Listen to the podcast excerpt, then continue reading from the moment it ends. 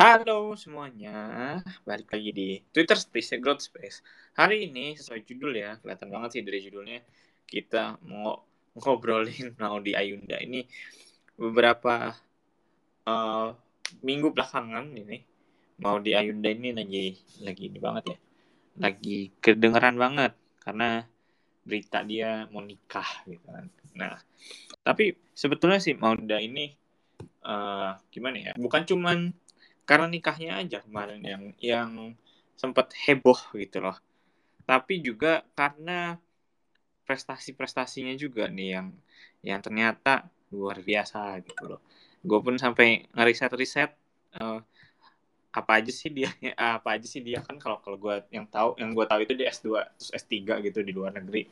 Tapi gue nggak tahu di kampus mana gitu. Jadi hari ini kita mau ngobrolin dan apa sih yang bisa kita pelajarin dari mau di Ayunda bareng gue Devon dan ada beberapa teman-teman lainnya. Di sini udah ada yang naik. Kalau teman-teman mau naik, silahkan naik. Kita ngobrolin mau di Ayunda bareng-bareng. Di sini udah ada Titi yang naik. Halo, Ti. Halo, Kon. Halo, Halo teman-teman semua. Halo, Ti. Titi ini nggak aware nggak dengan berita mau di Ayunda belakangan ini? Ya, aku termasuk followersnya Maudi sama ibunya Maudi juga sih. Apa ya kemarin um, uh, Instagramnya apa? Uh, ada gue udah damun juga sih tapi gue lupa username-nya apa ya kemarin ya. Kemarin gue udah sempat muren.s ya masalah itu. Iya. Ya itu itu mamanya mau di Ayunda gitu punya Instagram. Nah kalau Titi sendiri ngikutin mau di Ayunda dari kapan nih? Apa nonton juga atau dengerin lagunya gitu? Awalnya sih gara-gara nonton filmnya sih ya perahu kertas.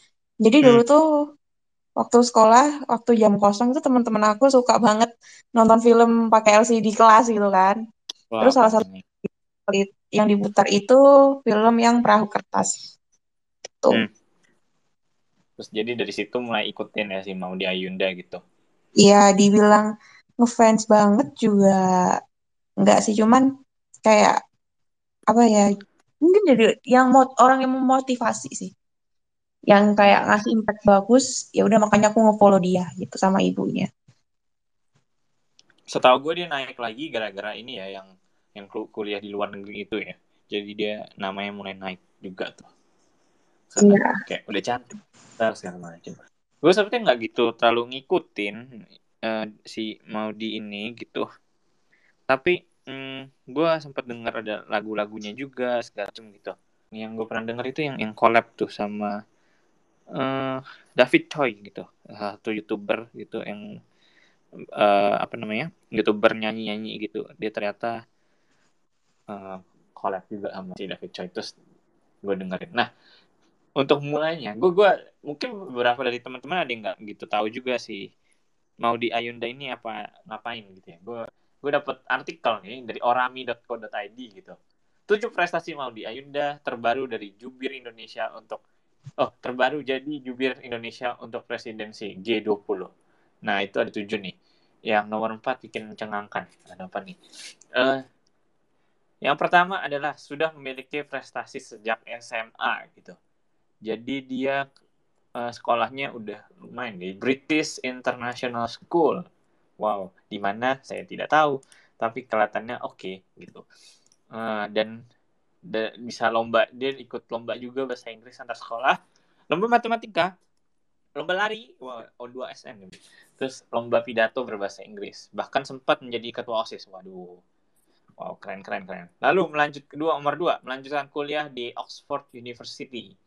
Sempat diterima di dua universitas. Pertama di Oxford Inggris yang kedua Columbia yang berlokasi di Amerika Serikat dengan diterimanya, ia di dua universitas ternama sekaligus tentu membuat dirinya kebingungan. Ia pun akhirnya memilih, memiliki, eh, memilih nih, kok memiliki tipe nih eh, yang nulis artikel. Uh, Universitas Oxford di Inggris karena lebih dekat dengan Indonesia. Dekatnya juga sama sama Amerika lumayan ya, nggak nggak dekat amat. Dan dia uh, ambil jurusan filosofi, politics, economics. Oke. Okay setelah itu dia lulus dengan prestasi cum laude. Berarti ini IP-nya di atas 3,5 kalau cum laude ya. Apa 3,70? 3,70 kayaknya kalau nggak salah deh. Kalau cum laude gue, kurang gitu tahu. lulus dengan prestasi kumlat nah, nah, nah, nah. terus jadi ketua pembicara untuk organisasi Oxford Economic Society terus mendapat dua gelar pasca sarjana sekaligus ini ya oh, gue cek cek cek cek cek oh, ada dua satu lagi jurusan administrasi bisnis. Jadi gelarnya BA MA MBA gue banyak juga. Terus di dunia musik juga ada ya yang tadi sempat di uh, di dunia peran dan musik. Ya acting seperti yang kita tahu dan musiknya juga gitu. Lalu ada masuk majalah Forbes 30 under 30 dan terakhir yang paling baru adalah juru bicara presidensi G20 yang baru-baru ini gitu tanggal 31 Maret 2022 kurang lebih gitu prestasinya banyak juga ya ada lagi nggak ya kira-kira nah kalau dari teman-teman nih udah ada naik yang ke sini gitu kira-kira ada nggak sih dari Maudi ini yang membuat kalian terinspirasi gitu? Mungkin dari Titi dulu nih. Tadi udah ngobrol-ngobrol kita dari Titi. Ada nggak? Apa sih yang bikin terinspirasi, eh, Titi terinspirasi dari Maudi Ayunda ini? Oke, okay, halo. Iya. Pertama sih aku suka aktingnya ya di Perahu Kertas. Terus hmm. uh, baca-baca beritanya tuh kayak dia berprestasi dan lain sebagainya. Nah, dari situ tuh aku aku malah bukan cenderung ke Maudinya ya, aku malah ke ibunya ini si ibunya mau Ayunda cara gimana dia didik anak gitu. Hmm, hmm. Kok bisa anak jadi punya anaknya kayak gini gitu loh. Ya. Yeah. Gitu makanya aku sampai ngefollow si ibunya Maudi. Gitu. Oke. Dari ibunya ini Titi dapat sesuatu nggak? Mungkin gimana cara dia mendidik Maudi atau gimana nggak? Gini, jadi memang sedari kecil itu anak itu apa? Enggak kita enggak di apa namanya? Uh, bukan kita arahkan tapi mereka dikasih pilihan gitu loh. Jadi anak punya hak pilih gitu sejak, sejak dari kecil. Hmm. Ya. Yeah. Contohnya yang aku baca yang aku tonton sama baca ya. Jadi itu waktu kecil ketika ada sesimpel acara keluarga gitu. Mau di ini hmm. di diliban dalam hal memilih makanan untuk yang eh, yang akan disuguhkan ke ketika acara keluarga gitu. Jadi Maudi itu punya hmm. punya apa? Punya hak untuk memilih makanan apa aja gitu. Terus ketika Maudi ya. memilih makanan tersebut, ibunya tanya, "Kenapa pilih ini? Kenapa pilih yang ini?" kayak gitu. Jadi hmm. anak itu diajarkan apa ya? Uh, untuk bisa bertanggung jawab atas pilihannya gitu. Bisa apa? uh,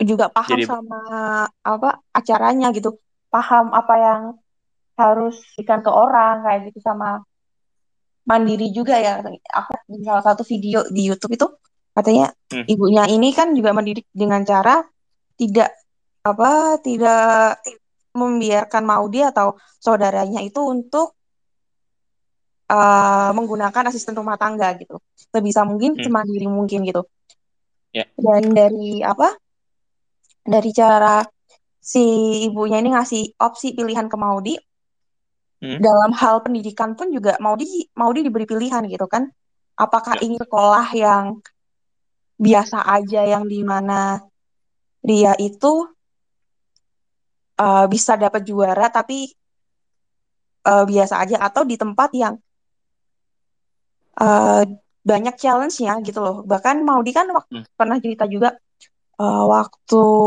sekolah itu mau dipindahkan ke sekolah internasional kalau nggak salah ya.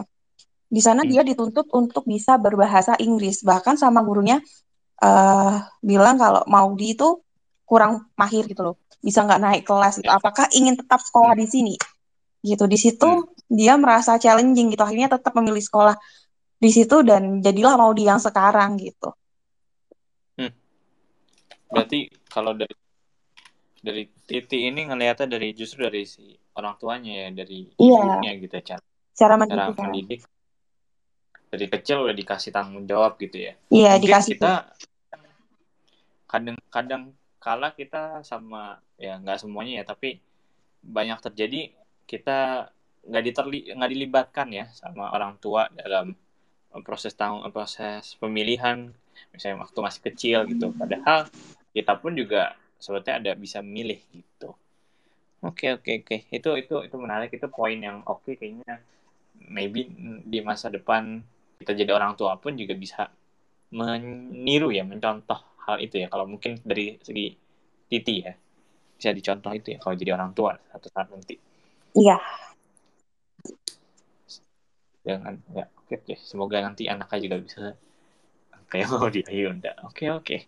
Thank you Tinta gue balik lagi ke Titi di sini tadi juga udah ada Nura Viva yang naik ke atas udah jadi jadi speaker. Halo Nur Afifah manggilnya apa nih? Halo kak. Afifah halo. aja. Afifah Afifah ini nggak uh, aware dengan mau di Ayunda ini? Atau um, iya aware banget karena jadi awalnya tuh tahunnya gara-gara dia main perahu kertas sih sama. Kan itu hmm. booming banget kan. Di yeah. situ juga tapi um, yang aku tangkap dia bukan yang uh, maksudnya artis yang cantik gitu kan jadi kayak hmm. dia perannya maksudnya um, cara dia memerankannya tuh unik gitu kan hmm. dia hmm. jadi apa pas dia mainin radarnya dan lain-lain gitu kan pokoknya aktingnya bagus gitu kan terus um, lama nggak denger tiba-tiba kayak ngobrol gitu sama Ade kayak menurut lo siapa sih cewek yang cantik gitu kan mm. terus uh, adekku yang cowok dia bilang kayak siapa sih cowok yang gak suka mau di Ayunda katanya gitu terus kayak ah mau di Ayunda yang mana gitu kan masa uh. yang perahu kertas itu gitu kan yeah. ternyata uh. iya ternyata oh udah jadi sosok yang beda banget nih gitu kan pas aku hmm. kepoin lagi sih mau di ini gitu terus barulah ke up lagi tuh beritanya yang dia keterima di dua universitas kan di yeah. Stanford sama Harvard ya kalau nggak salah hmm. Gitu. Jadi kayak ih ya gokil banget sih maksudnya kayak ada sosok yang kayak um, secara uh, maksudnya fisik oke okay, gitu kan. Dia juga secara kerjaan uh, total banget gitu. Dan pendidikannya juga nggak ketinggalan gitu. Jadi sejak itu jadi sering ngikutin perjalanannya Maudi sih gitu kan. Hmm. sejak dan S2 itu dan terakhir ini ya dengan berita nikahnya ini booming lagi ikutin banget. Iya bener booming banget. Kayak banyak temen-temen yang ya gitulah ya jadi ngomongin itu. Hmm, karena uh, apa ya ternyata suaminya pun juga orangnya yang oke okay juga ya gitu ya. Iya benar dan kayak uh, setara lah kak gitu.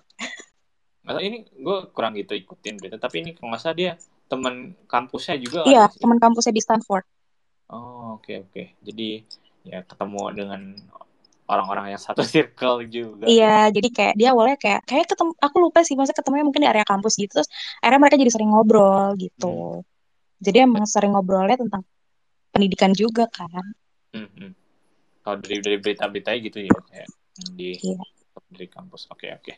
Dan setelah ini kan lumayan nih uh, mau di Ayunda-nya booming lagi terus setelah ikutin dari perahu kertas itu gitu uh, Afifa ini ada nggak sih yang buat Afifa terinspirasi dari sosok Maudi ini? Hmm, iya, kalau aku lihat sih kayak dia uh, apa ya? Kadang kita ngelihat ya itu sih tadi misalnya kayak privilege-nya aja kan dia hidup di kayak uh, lingkungan yang enak, itu punya hmm. orang tua yang uh, support yeah. gitu kan. Hmm. Tapi I mean aku yakin banget di balik itu dia kayak struggle gitu hidupnya gitu kan. Kalau nggak salah dia pernah ini juga deh kak, yang dia ngobrol sama Najwa Sihab, terus mereka uh, pernah viral karena mereka suka ujian. Wah, oke. Okay. Serius, jadi kayak diwawancara gitu sama Najwa terus kayak aku suka banget ujian kata Maudi gitu kayak aku suka banget deg-degannya, aku suka banget belajarnya gitu kan berarti kayak uh, hal-hal yang dia dilakuin yang kita nggak tahu tuh mungkin ya sebanyak itu gitu loh kak. Jadi kadang mungkin kita ngelihat kayak se seorang public figure kan dari apa yang dia achieve aja gitu kan. Yeah. Oh dia um, apa bisa S1 di Oxford, S2 bisa di Stanford sama Harvard, keterima terus kayak dia punya suami yang ya keren gitu kan. Kadang kita ngeliat achieve-nya aja gitu dan kadang juga aku sih merasa kayak oh iya dia enak nih punya privilege yang kayak tadi gitu kan. Yeah. Padahal uh, uh, padahal mungkin ya itu belajar, dia suka ujian yang itu tidak semua orang rasakan gitu. Kayak gitu sih kak yang aku dapetin misalnya um, menurutku kayak setiap orang pasti achieve sesuatu itu pasti ada usahanya sih di baliknya yeah. gak mungkin kayak terus uh, lu tahun-tahun lu punya uh, punya privilege lu punya kesempatan ya kalau kalau ambil ya sama aja. Hmm, hmm. betul Terus, betul setelah dengar itu tuh percakapan sama Najwa jadi ini nggak? Afifah jadi ini nggak? Pengen jadi senang ujian juga nggak? Oh tentu tidak kak. Cuma kayak ya uh, kayak waktu itu viralnya karena Najwa Shihab juga bilang kayak iya aku juga suka gitu. Hmm. mereka dua sosok yang menyukai ujian. Itu sesuatu yang gue sendiri juga kayak hmm, suka ujian. Mungkin dari challenge saya itu tapi kayak untuk nyuk menyukainya itu kayaknya rasanya butuh perspektif lain sih. Mungkin dia punya perspektif yang beda ya mereka berdua itu gimana iya, ujian. iya, mungkin. Maybe maybe itu kita bisa belajar. Mungkin gue catat bisa suka ujian. Tadi kalau ngomongin privilege privilege privilege juga gitu ya. Berarti si Maldi ini menurut gue pun juga dia ini memanfaatkan lah ya privilege iya, benar. jadi dia udah dia tahu. Kalau nggak salah gue pernah dengar interviewnya dia juga mengakui gitu loh I'm privilege gitu loh. Uh -uh. dia dia mengakui kalau dia ya emang emang dapat beberapa hak mewah. Nggak semua orang bisa seperti dia gitu. Tapi dia pun juga uh, memakai gitu loh hak-haknya eh memakai privilege itu dengan baik gitu loh. Jadi bener-bener belajar ya. Tadi gue juga bacain prestasinya itu. Cum juga gitu loh. Ya berarti yeah. kan enggak dia benar-benar belajar gitu loh kayak. Nggak cuman ya udah gue udah keterima di Oxford gue udah keterima di Stanford Harvard atau something gitu. Dan ya udah uh, gue bisa Instagram story tiap hari di di kampusnya aja. Gaya-gayaan ya kak keren. Betul gitu juga ternyata ya malah dia emang bisa emang tujuan dia emang belajar gitu loh. Nice nice nice. Nice perspektif juga nih thank you Afifah buat jawabannya. Nanti gue uh, balik lagi ke, ke siap kak.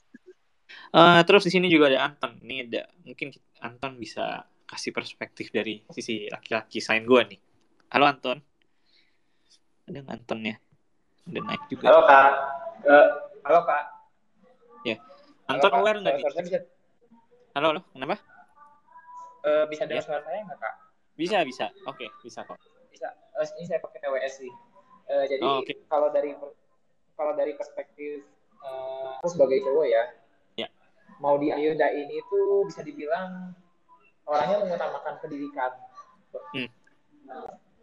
ya dia berpikir, dia berpikir bahwa pendidikan itu penting dan menjadi kunci dalam membentuk kualitas diri.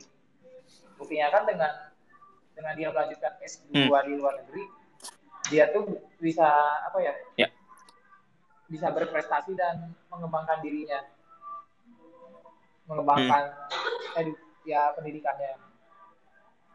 Nah dari ya. situ dari mengembangkan diri itu dia juga dapat istilah katanya pasangan hmm. yang sama-sama berkualitas. Jadi karena karena dia dianya sendiri orang berkualitas, ya. jadi dapat pasangannya juga yang berkualitas. Hmm. Uh, ini aku baru ngikutin tuh dari yang hmm. mau di kemarin nikah sih.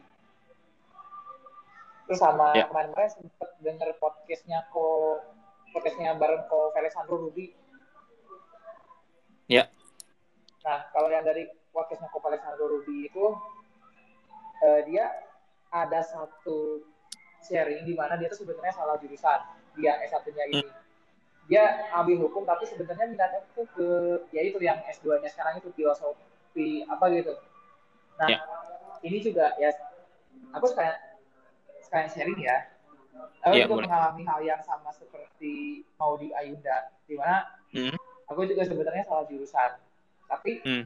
dari situ aku punya perspektif kalau oke okay lah salah jurusan, tapi bagaimana caranya aku supaya mau bertanggung jawab atas apa yang aku pilih dan menuntaskan ya. apa yang aku pilih dari awal. Hmm. Kurang lebih seperti itu sih kalau perspektif dari aku. Hmm. Jadi ya uh, dari apa kita eh, halo oke okay. ya dari mau di Ayunda ini juga kita juga bisa belajar hal yang ya ternyata dia pun juga walaupun salah jurusan dia bisa mengapa ya namanya ya me, keadaannya dia nggak menyalahkan keadaan tapi bisa jadi satu uh, sesuatu yang dia apa bekal dia juga gitu ya. Dan dan sama Anton juga bisa di ambil gitu ya perspektif kayak gitu ya. Iya dan bahkan waktu podcast ya yang itu sih yang dia bilang di podcast itu bahwa dia sebenarnya melihatnya ke filosofi ke filosofi dan akhirnya dia, dia kan S2-nya ambil filosofi itu ya. Nah, ya. dia dari situ tuh ambil ya bisa dibilang ambis lah ya dalam mengejar pendidikan. Mm -hmm. Dan ini juga senada yang dikatakan Bang John sih. Bang John kan sering bilang kalau pendidikan itu pendidikan itu penting untuk peningkatan kualitas diri. Ya. Hmm. Dan ya ter, memang terbukti betul. Seperti hmm. itu sih. Oke okay, oke, okay. nice nice. Thank you Anton buat perspektifnya. Tapi gue juga jadi mau mau ini nih mau ambil dari sudut pandang berbeda soal ini mau dinikah ini gitu ya. Kalau dari Anton sebagai laki-laki gitu ya ngelihat misalnya dapat dapat cewek gitu yang yang kayak mau di Ayunda segala macam ya kita bisa menggeneralisasikan dengan kata perfect lah gitu lah pintar cantik dan segala macam gitu kalau dari dari Anton sendiri gimana? Apakah maksudnya jadi memacu Anton untuk lebih lebih lagi atau justru kayak nggak deh jangan gitu sesuai? Karena uh, eh, gue gue sering dengar kata uh, dan dari tadi kayak dari tadi tadi gue sempat lihat juga ada kayak uh, misalkan stereotip stereotip kayak uh, perempuan jangan sekolah tinggi tinggi segala macam gitu ntar nggak ada yang mau gitu. Nah kalau dari dari laki-lakinya sendiri gitu sebetulnya dengan dengan si orang eh, cewek-cewek yang perfect ini gitu gimana tanggapannya sebetulnya kalau dari Anton? Uh, kalau dari kalau dari diri hmm?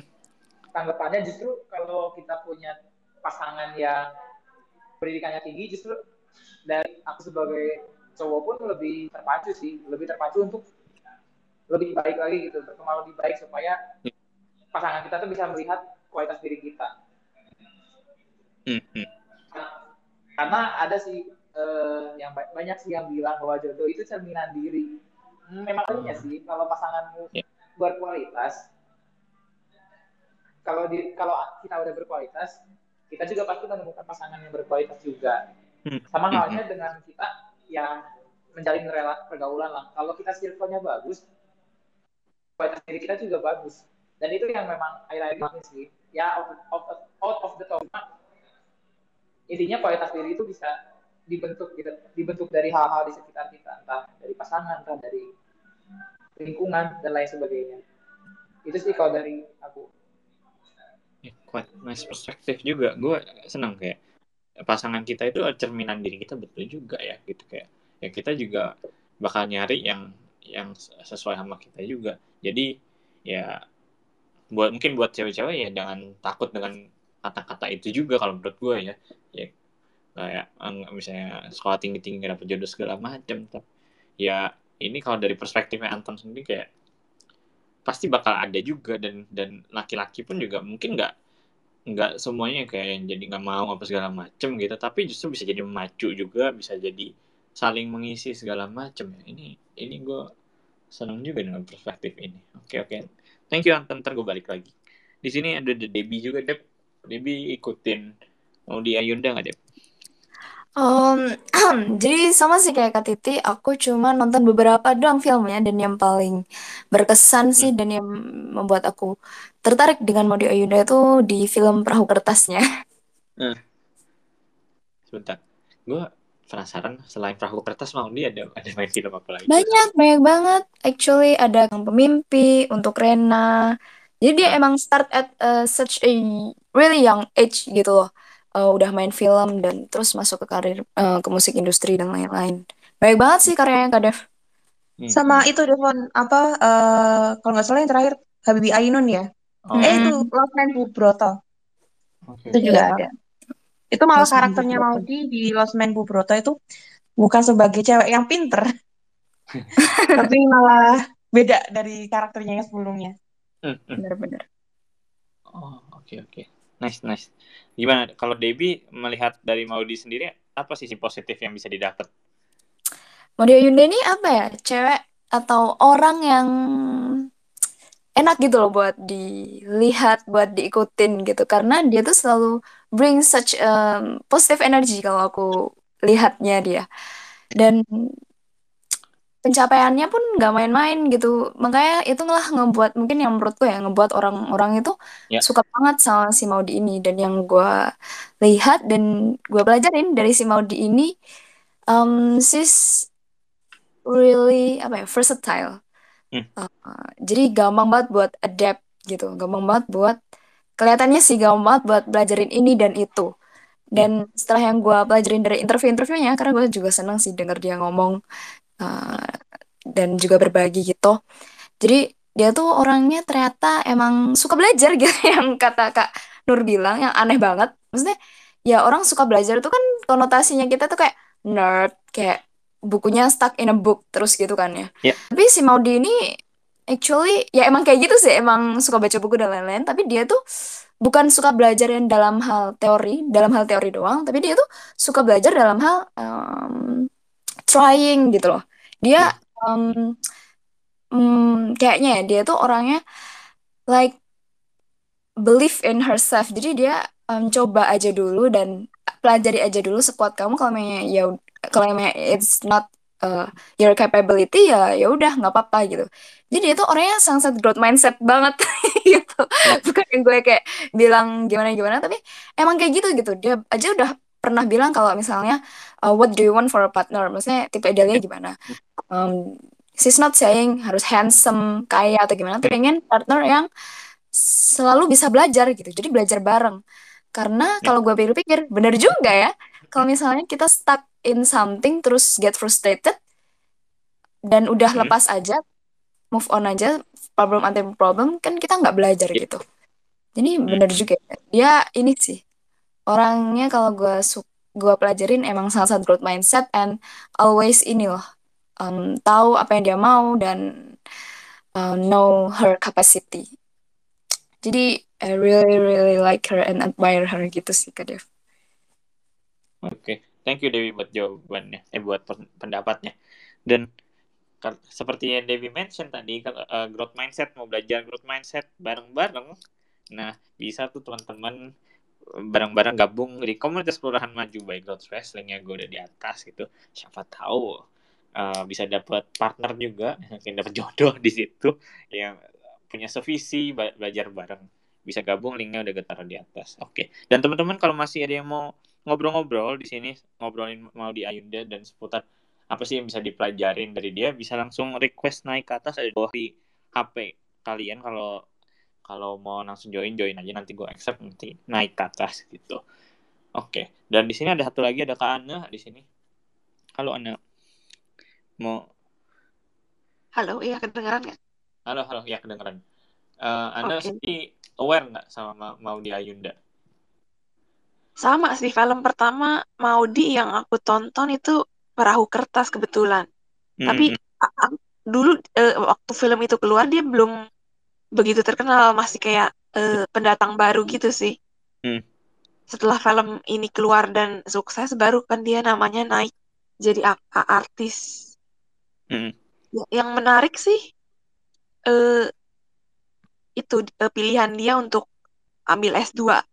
Mm karena kan sebenarnya dia udah bisa dibilang udah jadi artis sebenarnya ya mm, bisa aja dia nggak ambil kesempatan S2 lagi tapi hmm. dia ambil kesempatan untuk kuliah lagi gitu kan ya. dan tempat sebenarnya cerita kalau misalnya cewek kuliah dan ketemu pacar atau calon suami sebenarnya sih biasa banget gitu ya kayak hmm. uh, orang-orang biasa juga kayak banyak yang kayak gitu Ya. Tapi ya mungkin emang udah takdirnya dia ketemu sama calon suaminya di kampus dan kemudian lanjut menikah kali ya. Hmm. Yang bikin jadi menarik untuk diikutin. Hmm. hmm. Terus juga iya dapat calon suami yang bisa dibilang sama suksesnya kayak si Maudi. Iya. Betul betul. Dan hal itu juga apakah ada nggak ya yang membuat anda sendiri terinspirasi secara pribadi gitu kayak dari Maudi ini pada hari hmm. mungkin harus itu kali ya yang suka belajar ya hmm. jadi kalau kalau kita uh, curious sama sesuatu ya belajar aja dulu di situ. Hmm. Jadi itu sih yang bikin terinspirasi dari sosok Maudia Yunda. Ya, pengen belajar terus ya berarti ya. Iya. Dan tadi mungkin bisa di rap apa sama tadi yang Debbie bilang kayak growth mindset itu ya. Dia kayaknya punya growth mindset yang oke okay banget gitu ya. Iya. Oke, okay. okay, Anda, thank you. Nanti gue mungkin lagi sekarang udah Kak Maria Vina juga yang udah naik. Halo Kak Vina. Halo, selamat malam. Malam, malam. Kalau Kak Vina sendiri aware nggak nih sama Maudi Ayunda? Uh, kalau ngelihat model dia udah dari dia main film yang waktu dia kecil ya. Oh, oke. Okay. Ya, sampai sekarang perkembangannya pasti kita lihat ya gitu loh. Maksudnya hmm. bagaimana ini dunianya dia gitu ya. Dari uh, apa perjalanan karirnya dia sebagai artis maupun sekolah. Nah, kalau melihat uh, bagaimana sih mau Awinda, sebenarnya titik baliknya adalah bagaimana keluarganya membimbing dia menjadi sekarang. Bagaimana dia berpikir bahwa dia harus uh, sekolah, bagaimana edukasinya, itu semua sebenarnya dari uh, lingkungan uh, internalnya dia dulu, keluarga. Apalagi iya. keluarga sangat memberi dukungan. Nah, kalau culture-nya terbentuk, udah pasti anaknya senang belajar, senang uh, mau belajar. Nah, ini bukan hanya terjadi sama Modi. Ada banyak kalau kita lihat uh, di beberapa misalkan di Kick Andy misalkan ya. Itu kan juga ada sampai nenek-nenek usia 54 ngambil S3 bahkan udah profesor gitu ya di umur 60. Hmm. Padahal dia baru sekolah S1 tuh di umur 50. Berarti tidak ada batasan orang mau sekolah dengan batasan usia mana pun. Sehingga walaupun kita mau sekolah. Nah, kalau lihat mindsetnya dari Modi, Maudi sendiri punya rasa bagaimana pendidikan itu adalah hal yang penting, bukan sekedar bahwa pendidikan itu buat gaya-gayaan, tetapi dia menganggap bahwa pendidikan adalah bekal dia buat masa depannya dia. Entah dia nanti setelah itu mau jadi artis atau enggak, karena namanya jadi artis naik turun loh. Artis itu bukan berarti oh nanti dia akan berkembang sampai samanya gitu. Nah, kalau kita pelajari banyak artis-artis yang dulu-dulu kan mereka sampai sekarang juga nggak bisa masuk di dalam dunia artis sekarang karena generasi berkembang, perkembangan zaman berkembang. Nah, itu yang menjadi tolak ukur dari uh, apa didikan orang tua keluarga bahwa yang namanya uh, kita sekolah mau sampai kapan pun pendidikan itu pasti penting dan itu menjadi uh, bagian dari hidupnya Modi bahwa itu menjadi bekal masa hidupnya dia. Entah dia nanti jadi artis atau tidak tapi paling tidak dia bisa membawa pendidikan itu bukan hanya berguna bagi dirinya dia tapi bagi masyarakat atau lingkungan. Karena kalau aku dengar cerita dari ibunya dia bilang saya didik anak saya supaya kamu mau jadi apa pun kamu harus berguna bagi orang lain Nah, artinya ketika dia harus sekolah dan sebagainya, semakin dia punya pendidikan tinggi, dia bisa mengapresiasi, dia bisa mengembangkan skillnya untuk lebih banyak lagi buat negaranya. Gitu dan aku lihat itu kecintaannya dia terhadap masyarakat dan negaranya. Sehingga dia mau uh, memberikan dirinya dia untuk lebih belajar banyak hal dalam pendidikannya dia, pencapaiannya dia. Bukan dia mau menunjukkan bahwa dia pintar. Memang dia diberikan kesempatan, memang dia mau belajar dan pintar. Tapi karena dia diberikan dukungan yang luar biasa dari keluarga juga, akhirnya membentuk dirinya bahwa pelajaran atau pendidikan adalah sesuatu hal yang dia bisa dapatkan untuk masa depannya nanti, hari tuanya nanti gitu, untuk lingkungannya dia juga gitu. Halo, dengeran ya? Halo. Tes tes. Oke, kayaknya Kak Devon lagi ada like uh, oh, juga ya. Oh, tapi kedengeran ya. Ya, tapi di kedengeran kok Kak dari oh. awal. Jadi ya, uh, setuju sih um, sama Kak Maria, benar juga kalau misalnya mau ini dibentuk emang dari uh, keluarganya sendiri yang emang apa ya, emang nggak pernah berhenti gitu loh buat belajar and never too late for that. Dan juga Maudinya juga juga membuktikan seperti itu ya walaupun dia uh, memang start at such a young age tapi dia terus growing and kita melihat juga dia si Maudi ini bertumbuh gitu ya kak. Bertumbuh dari ngambil uh, peran ini juga ngambil peran lain dan beda-beda juga. So kelihatan versatile-nya dan juga masuk musik industri pendidikannya juga beda juga dengan um, dengan pekerjaannya di dunia entertainment. Dan selain itu uh, dia pun juga jadi apa ya? Jadi sosok atau um, simbol kayak yang mewakili kaum muda yang emang suka bertumbuh gitu loh. Ya. Jadi kalau misal hmm. Ya mungkin itu ya. Terus saya ngeliat kesempatannya yang yang generasi sekarang ya. Kesempatan hmm. Luar biasa. Jadi misalnya nih ya, mau ngambil beasiswa atau mau sekolah negeri, kesempatannya tuh banyak dan gampang dan mudah.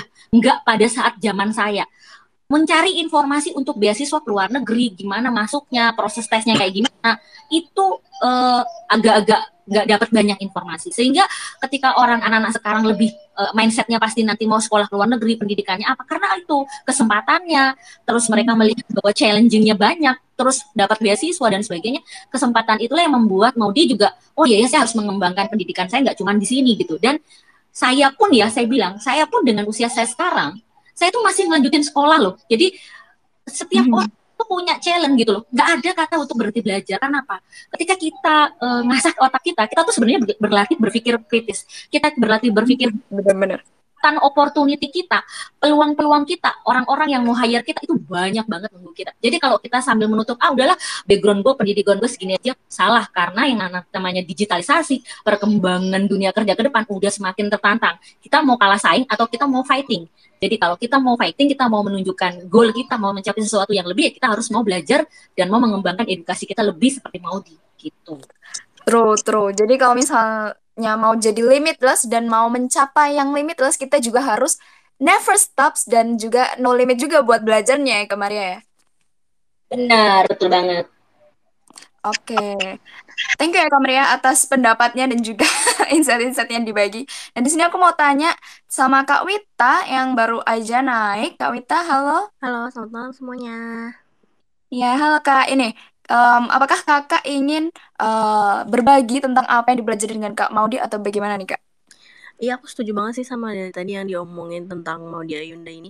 Emang dari awal juga aku kayak suka sama dia dari sejak dia filmnya yang untuk Rena yang masih kerja aktingnya tuh udah bagus gitu terus uh, bener-bener growing sampai sedemikian rupa udah makin cantik makin aktingnya makin bagus karyanya banyak suaranya bagus pokoknya yang bener-bener kayak idaman cewek idaman banget siapa sih yang nggak suka gitu ya. Dan yang aku salut lagi dia juga bener-bener sama pendidikan itu kayak menomor satukan gitu walaupun banyak kan orang-orang yang merasa kalau dia cantik ya udahlah oke okay, gue privilege gue cantik ya udah ngapain lagi gitu. Tapi dia nggak gitu dia masih mau belajar terus. Dan aku juga sempet nonton di YouTube tuh dia uh, kayak ngerekomendasiin buku-buku yang wajib dibaca gitu. Ada apa aja yang biasa dia apa baca gitu. Kayak kita harus apa namanya selalu cari ilmu harus belajar terus yang dibilang tadi juga dia suka belajar makanya dia suka baca buku gimana dia bisa menambah wawasannya dia dan dia juga suka sharing gitu loh. Setelah dia belajar itu dia juga mau sharing ke orang-orang jadi bisa bermanfaat buat orang-orang. Itu sih yang aku suka banget sama dia gitu. Jadi makin respect aja. Tuh Oke oke, thank you ya Kak. Jadi Kak Wita ini kayaknya sudah mengidolakan Kak Maudi dari awal dari dulu ya Kak? Iya. Sukanya tuh kayak pokoknya ya, kalau aku kan dari dulu suka sama kayak Dian Sastro. Nah dia nomor dua lah gitu kayak oh sama Sherina mm -hmm. deh. Pokoknya yang emang orang-orang yang cantik, berbakat tapi juga concern sama pendidikan gitu. Emang kayaknya sih orang emang kelihatan pinter gitu.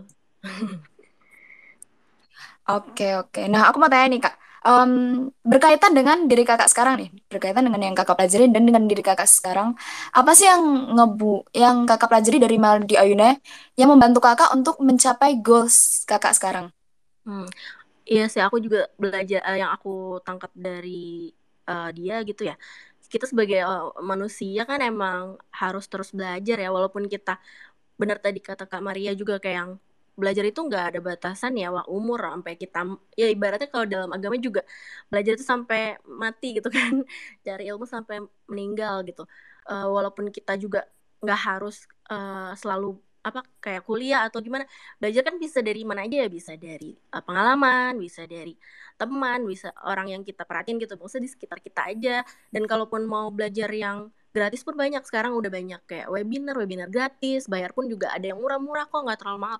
Sebenarnya bikin kita makin uh, aware aja kalau belajar itu bisa di mana pun kapan pun dari mana pun gitu. Kalau menurut aku sih gitu. Oke, setuju, setuju. Ya benar sih yang aku bilang tadi, yang kalau mau gitu belajarnya, um, well, emang sih dia belajar banget dari hal teori pendidikan dan lain-lain tapi emang si Maudi ini sangat-sangat um, growth mindset banget dan mau belajar dari hal-hal yang emang uh, dia alamin gitu dan and never stops dan akan terus belajar juga sampai di hari tua. Oke, nah aku mau tanya nih ke kakak kayak kayak yang di sini, kalau apa sih yang kakak uh, dapetin nih dari Maudi Ayunda yang bisa ngebuat kakak mencapai tujuan kakak di sini? Mungkin aku pengen tanya ke Kak Titi, ada Kak Titi? Halo ya. Ya, gimana nih kak? Um, kakak punya tujuan nggak di hidup ini? Pasti punya dong ya? Iya ada. Nah, apa nih yang kakak dapat dari si Maudi Ayunda ini yang bisa kakak ambil untuk mencapai tujuan kakak? Mungkin semangatnya ya, uh, pantang menyerahnya dia. Aku pernah baca beri, uh, bukan aja nonton video salah satu video kalau sebenarnya itu si Maudi itu sempat gap year. Oh. Jadi si Maudi itu nggak nggak langsung kuliah gitu. Dia sempat year karena ya ada faktor orang tuanya juga sih. Karena orang tuanya juga ngerasa kayak kamu nggak capek apa belajar terus? Gitu kan. Ibunya juga sebenarnya rada khawatir gitu sama Maudi. Karena apa? Meskipun dia pinter banget suka belajar gitu dia takutnya si ibunya ini terlalu Maudi ini terlalu fokus sama pelajarannya dia gitu. Di kurang hmm. takutnya tuh kurang sosialisasi gitu oh baru tahu. video itu terus oleh karena itu uh, tapi setelah mau dibuktikan ternyata ketika dia apply uh, ke beberapa universitas dan diterima kan bukan universitas kalian juga dari situ ibunya akhirnya oh iya ya emang emang si Maudi ini mampu gitu loh. Gitu dan apa ya aku suka dari Maudi tuh dia nggak pernah membranding dirinya tuh dia seorang artis dia tuh seorang musisi. Bisa dilihat dari Instagramnya dia dia tuh nulisnya malah storyteller dan edukator. Gitu sebenarnya cita-cita ya? Maudi ya, cita-cita Maudi itu dari kecil malah dia pingin jadi seorang penulis buku anak gitu. Yang story Cina itu ya kak? Iya wow Tapi even to kayak gitu, aku baru sadar loh, maksudnya even to dia adalah artis yang ya kita bisa bilang lumayan besar lah di tanah air kita. Tapi aku baru ngeh kalau misalnya si Maudi ini nggak pernah kayak ngomongin kalau I'm like superstar or you know like selebrita kayak gimana gimana ya. Makanya kita as a person yang ngelihat dia itu ngelihat dianya itu sangat um, like a learner gitu yang sangat um, bertumbuh bertumbuh dan bertumbuh. Maybe that's what we like from her gitu juga. Nah ini um, pesan aku pengen tanya nih Kak Titi, ada nggak pesan-pesan uh, dari Kak Titi untuk teman-teman yang uh, lagi berjuang untuk mencapai tujuannya? Yang mungkin kayak kamu di tadi yang pengen jadi penulis buku seperti itu. Jangan pernah ya, ya intinya jangan pernah apa menyerah. Kalau memang ada kesempatan coba. Coba aja. Coba jangan pernah nyerah dan buktikan kalau kalau kamu memang menginginkan itu buktikan kalau kamu mampu. Itu sih yang kalau aku pelajari sih. Mantap mantap. Jangan menyerah gitu ya kak Titi. Siap-siap. Do your best. Oke. Okay.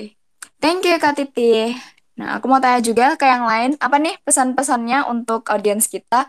Buat audiens kita yang pengen mencapai tujuan hidup mungkin mulai dari Kak Maria Kah kamar yang bisa unmute? Satu, dua, tiga. Halo. Oke, okay, halo Kak Maria. Ya. Ada nggak sih Kak pesan-pesan buat audiens kita yang ingin mencapai tujuan hidupnya? Eh, sebenarnya tujuan hidup itu eh, masing-masing orang kan berbeda ya. Ketika kita mau mencapai sesuatu, lakukanlah uh, sebuah tujuan itu dengan sebuah komitmen, terus value yang apa yang mau kamu dapat dan konsisten. Karena ketika kamu tidak konsisten, artinya ya nggak kamu nggak akan sampai sama tujuan yang mau kamu capai. Karena sesuatu yang konsisten yang kamu komit mau menjalankannya yang kamu cinta menjalankan itu semua harus kamu jalankan untuk mencapai sebuah uh, purpose ya. Tujuan apa sih impian kamu apa sih harapan kamu gitu loh. Nah jadi uh, selagi masih muda selagi punya waktu karena waktu nggak bisa back lagi kita nggak bisa mundur yang kita bisa jalani adalah hari ini sama future yang masa depan jadi kalau satu ada perubahan hidup yang mau kita challenge buat hidup kita lebih baik, ya kita lakukan untuk apa? Untuk diri kita atau mau banding-bandingin sama orang lain. Yang jelas adalah ketika kita punya sesuatu yang mau kita lakukan untuk sebuah kebaikan dan cinta, artinya kita sudah harus mau melakukan itu untuk diri kita sendiri, untuk pencapaian diri dan untuk menemukan bahwa kita sendiri tuh masing-masing punya potensi yang berharga yang nggak perlu kita tonjolkan bahwa kita adalah modi tapi kita bisa menjadi diri kita sendiri. Itu wow mantap banget nih Kamaria setuju semua nih. Oke oke, bener banget kayak um, kalau tujuan itu kadang kita tujuannya itu like you know tujuan yang bukan kosong ya, tapi tujuan yang umum-umum gitu loh. Pengen kaya, pengen dapet jodoh dan lain-lain. Tapi um, purpose itu juga perlu ada value. I'm really agree to that. Karena kalau misalnya um, tujuan kita juga bisa bermanfaat dengan untuk orang lain, apalagi diri kita, kita juga makin eager juga buat mencapainya. So, thank you ya Kak Maria Vina. Nah, aku mau tanya nih ke Kak Nur Afifah, apa nih pesan Kakak untuk para audiens kita yang ingin mencapai tujuannya? Oh iya, tadi aku setuju banget sih sama yang Kak Vina bilang. Um, apa namanya, uh, kayak masing-masing orang pasti punya tujuannya masing-masing ya. Mungkin orang sekarang ngelihatnya um, apa yang di-achieve mau di itu keren gitu kan. Tapi balik lagi, apakah itu sesuatu yang emang kita tuju? Kan mungkin enggak ya tujuannya beda gitu. Jadi kayak um, yang aku belajar sih kayak uh, gimana caranya dia achieve itu semua gitu kan. Memanfaatkan privilege yang dia punya dengan usaha dia yang maksimal kayak gitu untuk mendapatkan semua yang dia inginkan. Gitu pun aku bisa juga nih gitu uh, ngelakuin hal yang sama untuk mencapai tujuan aku sendiri. Itu sih kak. Oke. Okay. jelas nih sorry. Jelas ya oke okay, oke. Okay. thank you thank you kak Nur. Oke okay, kita lanjut ya ke kak Ana. Halo kak Ana. Apa nih pesan dari kak Ana untuk Eh, teman-teman di sini untuk mencapai tujuannya? Kalau kayaknya teman-teman udah kasih uh, garis besarnya sih. Kalau aku mungkin uh, pengen ngelihat dari Maudi itu uh, bahwa dia selalu bekerja sungguh-sungguh dalam semua bidang yang dia alami. Mulai dari jadi aktris, penyanyi, kemudian sampai melebar bisa nulis buku. Jadi aku pengen ambil bahwa dia selalu melakukan yang terbaik sih di masing-masing bidang yang dia udah pilih untuk geluti. Benar-benar setuju sih. Karena kita lihat juga si Maudi ini uh, di pendidikan dia excellent, cum laude dan lain-lain. Di jadi artis juga versatile banget, perannya sangat beragam dan juga menggunakan berbagai penghargaan di musik ya. Udah nggak usah ngomongin lagi lah, sangat banyak iya. juga diskografinya. Jadi bisa sih Kak dibilang kalau si Maudi ini sangat-sangat bersungguh-sungguh. Iya bisa. Di semua bidang yang dia geluti dia excel di situ. Oke okay, oke, okay. thank you ya Kak Ana. Jadi if you want to pursue your purpose, your goals, juga harus bersungguh-sungguh. Karena iya. apalagi harus datang dari dalam diri ya. Kalau misalnya paksaan juga nggak bisa bersungguh-sungguh juga. Iya. Oke okay, oke, okay. thank you Kak Ana mau tanya ke Kak Wita nih Kak. Apa nih pesan Kakak untuk orang yang ingin mencapai tujuannya? Uh, aku sih nambahin aja. Tadi udah lengkap tuh, udah sungguh-sungguh, udah harus punya purpose. Nah, paling satu lagi harus yakin aja, percaya kalau memang dia bisa, uh, mau dia bisa, orang sukses yang lain bisa. Kita juga harus yakin kalau kita juga pasti bisa gitu. Jadi harus motivate yourself aja maksudnya kita harus yakin percaya kalau kita juga bisa. Itu aja sih. Wih, mantap. Believe in yourself ya, Kawit. Iya, betul. Oke, oke. Thank you, Kawita. Iya. Nah, ini last but not least nih. Dari Kak Anton. Halo, Kak Anton. Aku pengen tanya nih, uh, Kak Anton ada nggak ya? Halo. Oke. Halo. Pengen tanya nih ke Kak Anton. Apa nih pesan Kak Anton untuk teman-teman yang lagi berjuang mencapai tujuan? Uh, seperti teman-teman yang lain, teman-teman yang lain uh, udah lengkap sih ya nggak pendapatnya udah lengkap. Nah, kalau dari aku sendiri sih untuk mencapai sebuah tujuan kan butuh kesembuhan. Nah, salah satu aspek di mana kita bisa sungguh-sungguh tuh ya kita mencari orang yang benar-benar sefrekuensi sama kita. Kalau misalkan kita tujuannya mau sukses, ya kita harus cari orang yang bisa support kita untuk menjadi lebih baik karena ya sih lingkungan itu sangat berpengaruh sih untuk mencapai tujuan itu. Kayak contohnya Kak Maudi. Kak Maudi kan dari lingkungan keluarganya sendiri mendukung. Kemudian dari lingkungan dia selama berkuliah juga entah S1 ataupun S2 juga memang mendukung untuk berkembang. Jadinya kak jadinya Maudi Ayunda itu bisa sukses dan bahkan dapat pasangan yang kualitas dirinya tuh ya sama sama seperti dirinya gitu loh. Kalau dari aku itu sih setuju setuju. Benar sih kalau misalnya kita lihat-lihat juga si Kamaudi Ayunda ini juga dari lingkungan keluarga yang juga ngajarinnya yang baik-baik dan suportif banget atas keinginannya Kamaudi juga. Dan juga dari circle circle-nya pun ya bisa lihat sendiri uh, Stanford, Oxford um, suaminya pun dia pilihnya kayaknya juga teman-teman yang bisa ngebantu dia untuk berkembang gitu loh. Karena you know circle does matter a lot. Ya benar. Circle does matter a lot and sangat-sangat jangan meremehkan karena itu bisa sangat-sangat membantu kita untuk terus motivate juga dan juga bisa membantu kita di saat-saat yang emang kita lost dan juga uh, uh, down gitu. Nah, ini jadi nge pengen ngebahas komunitas keluaran suka maju lagi. jadi bisa ya guys, langsung klik aja bener di atas nanti kalian langsung terinvite ke Discord keluaran suka maju. Nah, di situ kita bisa belajar bareng dan juga bertemu bareng. Oke, kalau dari aku sendiri, um, menurutku apa ya? Kalau aku sendiri sih lebih ini ya. Uh, karena tadi udah banyak juga pesan-pesan dari kakak yang so true dan juga aku setuju banget. Tapi kalau dari aku, uh, aku pengen bilang take it easy but seriously gitu loh.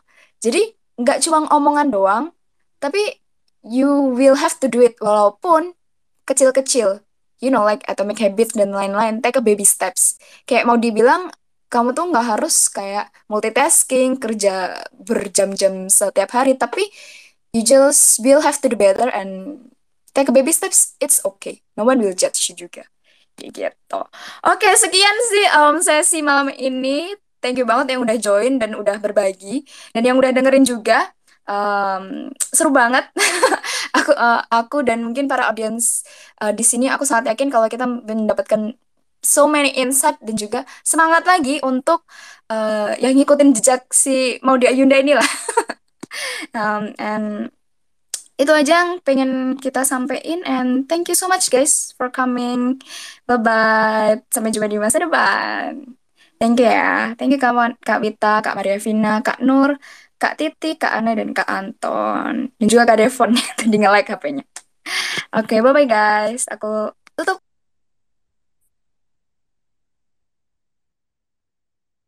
Terima kasih Kak. Terima kasih semuanya. Thank you Kak Debbie.